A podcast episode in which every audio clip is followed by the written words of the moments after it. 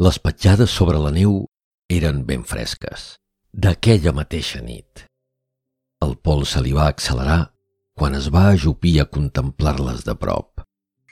Les va fotografiar des de tots els angles a la llum de la primera claror del dia. Després les va mesurar. 52 centímetres i mig des de la base del taló fins a l'extrem del dit gros. Una esgarrifança li va recórrer l'espinada. Va seguir el rastre que serpentejava entre els arbres i es dirigia cap a la gran paret de roca calcària que tancava la vall a llevant.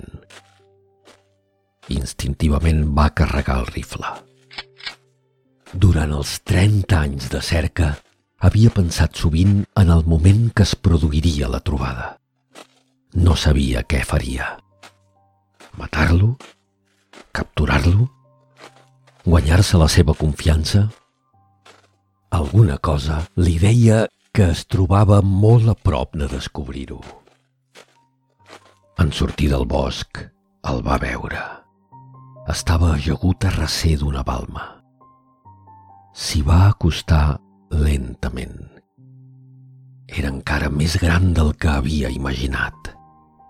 Dormia profundament, com un infant. Va poder contemplar, de prop i sense pressa, aquell cos descomunal i les faccions humanes sota el pèl. Va allargar la mà i li va fregar l'espatlla sedosa. Després es va arreulir al seu costat i es va adormir feliç de saber que no estava sol.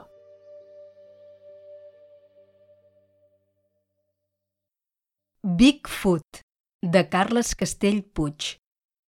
Relat guanyador del concurs de microrelats de la microbiblioteca Esteve Pelutzia de Barberà del Vallès al gener de 2019. Enregistrament en veu alta.